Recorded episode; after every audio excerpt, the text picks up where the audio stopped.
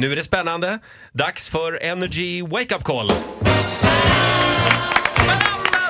Vi avslutar ju det här året genom att eh, lista årets bästa busringningar. Den här listan bygger på de eh, Energy Wake Up Call som folk har lyssnat mest på i vår app, Radioplay-appen. Fjärde mest lyssnade är Snåla Julia blir av med sina besparingar. Här fick jag ganska fria händer. Ja. Eh, Julia hon är ju från Ukraina och är tillsammans med en svensk kille. Mm. Och hennes mormor är här ganska ofta och det var typ det jag hade. Så att jag gick liksom på ekonomisk brottslighetsspåret. Jag ringde från Tyckte Finansinspektionen. du att det kändes självklart? K- k- k- vänta nu, det är Julia som vadå? Hon är snål. Ja, hon, är- ja, alltså, ja, som jag sa, det var, Ekonomiskt? det var ganska Ja. fria händer Ja, här. okej. Så att jag, Ja. Eh, Och vem är du? jag, jag är Klas Kardashian från Finansinspektionen. Ja, då ringer vi. Hej, det är Julia. Klas Kardashian heter jag och ringer från Finansinspektionen i Stockholm. Nej, men hej. Hej du, jag sitter och jobbar här med ett fall där ditt sparkonto är inblandat. Ja, Det här kontot är från och med nu 11.05 fryst. Dina tillgångar där. eh, varför då? Ja, vi misstänker att du har fört ut pengar till Ukraina med hjälp av din mormor Ludmilla och eh, finansierat en rebellgrupp. Okej, men gud. Hur länge kommer den vara fryst? Ja, de pengarna kan du nog säga hej då till, det tror jag. De, de eh, får du nog. Nej, men ursäkta mig. Eh, va? Så är det tyvärr. eh. Det låter väldigt sjukt. Jag, jag har inte finansierat någonting alls. Varför kommer din mormor hit så ofta? Min mormor kommer hit för hon kommer att hälsa på min mamma. Min mormor kommer hit för att hälsa på min mamma. Hon, Ja, okej. Ursäkta mig, men eh, kan ni få prata med min sambo nu? Kan du komma hit Johan? Kan du komma hit allvarligt? Ja men mina tillgångar är fryst.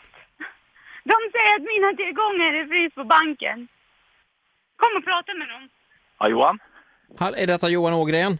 Ja. Det- Nu ska vi ta och reda upp detta så att det inte blir skilsmässa här. Ja.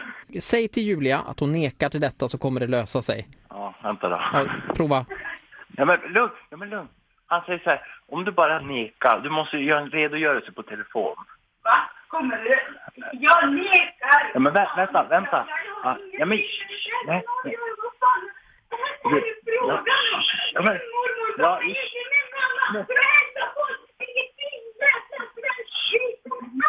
Men kan du väl? Ja, vänta. Nej, men lugn där. Lugn. lugn. Jag bara, ta bara och neka. Han säger att du neker. Då gör det bara.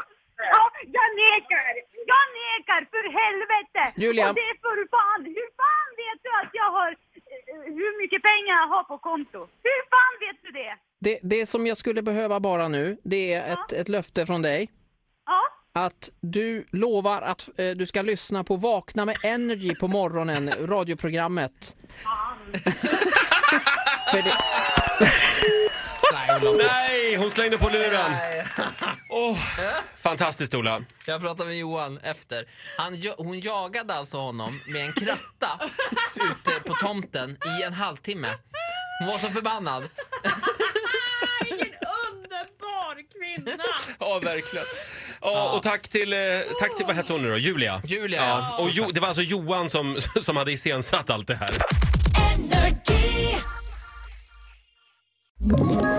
Ett poddtips från Podplay. I podden Något Kaiko garanterar östgötarna Brutti och jag, Davva, dig en stor dos skratt. Där följer jag pladask för köttätandet igen. Man är lite som en jävla vampyr. Man har fått lite blodsmak och då måste man ha mer. Udda spaningar, fängslande anekdoter och en och annan arg rant.